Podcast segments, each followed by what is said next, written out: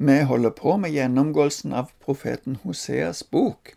Sist gang så, så vi på kapittel 1 og det første verset i kapittel 2. Der får Hosea en vanskelig oppgave. Han skulle gifte seg med ei som var prostituert, og han skulle få barn som skulle få navn som hadde spesielle profetiske budskap. Det var profetier om at dommen ville komme over Israel fordi de var utro mot Gud. Men som vi så på slutten sist gang, skulle ikke dette vare for evig. Gud gir et løfte om at det en gang i framtida vil komme en forandring der de som hadde blitt forkasta, igjen skulle få kalle seg Guds folk. Nå skal vi lese videre og lese først avsnittet fra vers 2 i det andre kapittelet til og med vers 13. Vi kan sette ei overskrift over dette avsnittet om at Herren vil tukte det frafalne folket. Før sak mot deres mor, før sak, for hun er ikke min kone, og jeg er ikke hennes mann. Hun skal fjerne hvert horetegn fra ansiktet, ta bort hvert utroskapstegn mellom brystene. Ellers skal jeg kle av henne så hun står der like naken som den dagen hun ble født. Jeg vil la henne bli som en ørken, gjør henne like et tørt land og la henne dø av tørst. Barna hennes vil jeg ikke være barmhjertig mot, for de er horebarn. For deres mor drev hor, hun som fødte dem, førte skam over seg selv. Hun sa, Jeg vil gå etter elskerne mine, de som gir meg brød og vann, ull og lin, olje og vin. Derfor vil jeg stenge veien for henne med torner. Jeg murer en mur rundt henne, så hun ikke finner stiene sine. Når hun løper etter elskerne sine, skal hun ikke nå dem igjen. Når hun leter etter dem, skal hun ikke finne dem. Da skal hun si, Jeg vil gå tilbake til min første mann, for jeg hadde det bedre da enn nå. Hun skjønte ikke at det var jeg som ga henne korn, ny vin og fin olje og mengder av sølv og gull som de brukte til Bahal. Derfor vil jeg ta tilbake mitt korn når tiden er inne, min nye vin når tiden kommer. Jeg vil ta bort min ull og mitt lin, som skulle skjule hennes nakenhet. Nå vil jeg avdekke kjønnet hennes for øynene på elskerne hennes, og ingen skal berge henne ut av min hånd. Jeg gjør ende på all hennes glede, festene, nymånedagene og sabbatsdagene, alle høytidene hennes. Jeg ødelegger vinstokkene og fikentrærne hennes. Om dem har hun sagt, de er betaling jeg fikk av mine elskere. Jeg gjør dem til krattskog, og villdyr skal lete dem. Jeg vil straffe henne for de dagene da hun tente offerild for Baal-gudene, pyntet seg med ringer og smykker og gikk etter sine elskere, men glemte meg, sier Herren. Israels menighet sammenlignes med ei mor og barna hennes. Det sies til folket at de skal gå i rette med eller føre sak mot mora. Hun har ødelagt arven som de skulle ha fått. Det er Herren som i utgangspunktet var hennes ektemann, som sier dette, og i fortsettelsen så sier han hva han vil gjøre, eller hvordan han vil straffe henne, straffe folket. Det kan se ut som en offisiell skilsmisseerklæring. Pakten er brutt fordi Israel dyrker avguder, særlig Baal. Herren truer med å stille henne fram som da hun var født, det vil si at folket vil komme i samme tilstand som i Egypt. Trusselen utvikles videre i andre halvdel av det avsnittet som vi leste. Men i denne tida vil ikke horkvinna oppnå det hun søkte. Hun løper etter elskerne sine, står det i vers 7, men hun vil etter hvert ikke bli tilfredsstilt av dette. Etter hvert vil hun tenke på sin første mann og lengte tilbake til han, til det fellesskapet som hun hadde med han. Dette kan minne om lignelsen i Lukas 15, der Jesus forteller om sønnen som gikk bort ifra faren for å nyte livet, men etter hvert så kom han tilbake til faren.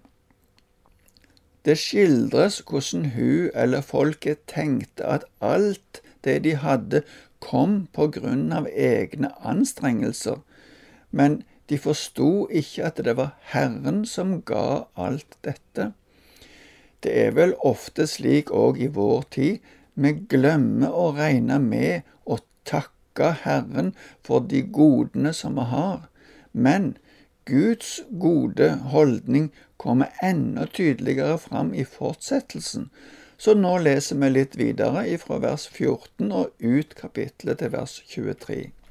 Derfor vil jeg lokke henne, føre henne ut i ørkenen og tale til hennes hjerte. Der vil jeg gi henne vingårdene tilbake, og Akordalen skal bli en håpets port. Der skal hun svare som i ungdomsdagene, som da hun dro opp fra Egypt. Og den dagen, sier Herren, skal hun kalle meg min mann. Hun skal ikke lenger kalle meg min Baal. Jeg vil fjerne Baal-navnene fra hennes munn, de skal ikke nevnes ved navn mer. Den dagen vil jeg slutte en pakt for dem med villdyrene på marken, fuglene under himmelen og krypet på jorden. Bue, sverd og krigsvåpen vil jeg bryte i stykker og utrydde av landet, og jeg vil la dem bo trygt. Jeg vil binde meg til deg for alltid. Jeg vil binde meg til deg i rettferd og rett, i kjærlighet og barmhjertighet. Jeg vil binde meg til deg i troskap og du skal kjenne Herren. Den dagen vil jeg svare, sier Herren. Jeg vil svare himmelen, og den skal svare jorden. Jorden skal svare kornet, den nye vinen og den fine oljen, og de skal svare Israel. Jeg vil så henne ut i landet mitt og vise barmhjertighet mot Lo Ruama. Til Loami vil jeg si, du er mitt folk, og han skal svare, min Gud. Vi kan sette som overskrift over det avsnittet som vi leste, at Herren elsker sitt folk og gir det nåde. Det forrige avsnittet slutta med at hun, Israel, glemte Herren. Dette avsnittet starter med et derfor. Fordi Israel, og fordi de som har vært Guds folk, har glemt Han og gått andre veier. Derfor vil Herren igjen ta initiativ til å få et nært fellesskap. For oss mennesker vil det kanskje være mer naturlig å tenke på at om en av våre venner glemte oss, ville vi kanskje straffe vedkommende på en eller annen måte, men Gud handler helt annerledes. Han vil lokke eller kalle på, kunne vi sagt, og så vil han tale til hjertet, står det. I norsk bibel er det oversatt med 'Han vil tale vennlig til henne'. Han vil gi tilbake til henne det hun tidligere gleda seg over. Dette kan være et bilde på gjenopprettelsen, både for Israel og òg for menneskeheten, da Guds barn skal oppleve det nye paradis. Akersdal, som betyr ulykkens dal, var en påminnelse om Akans synd da Israel erobra Jeriko. Det står det om i Josva kapittel 7, og det ble til en forbannelse for Israel. Men dette vil bli omgjort til en håpets port eller dør.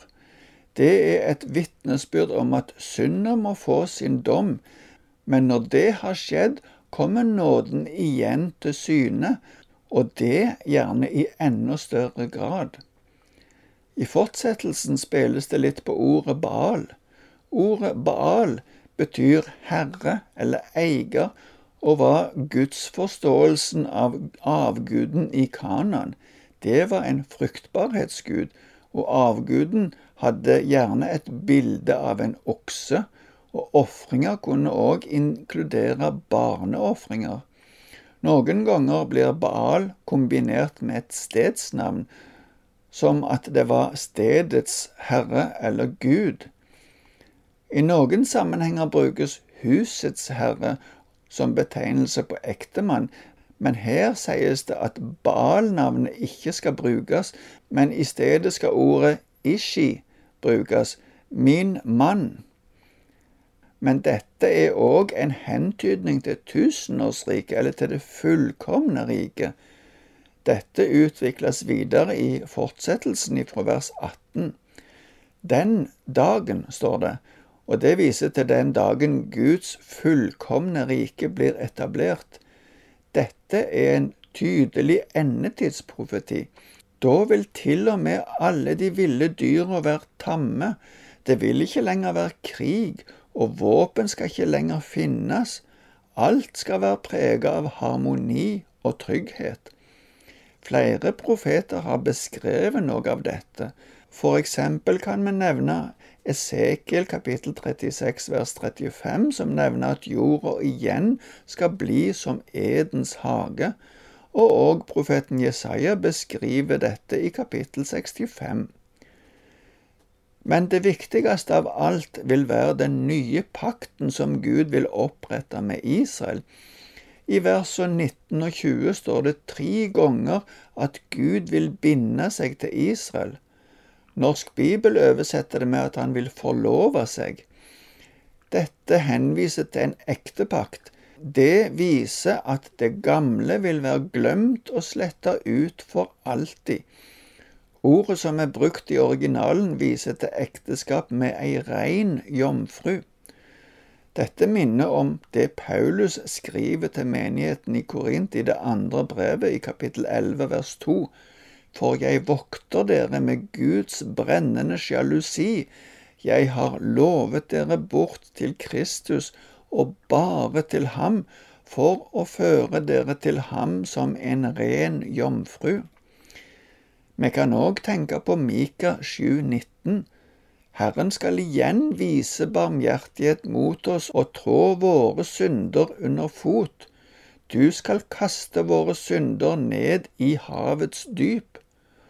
Og òg Romerbrevet kapittel 8 vers 1, så er det da ingen fordømmelse for den som er i Kristus Jesus. Men nå må vi vente til neste gang før vi ser på resten av dette kapittelet. Takk for nå.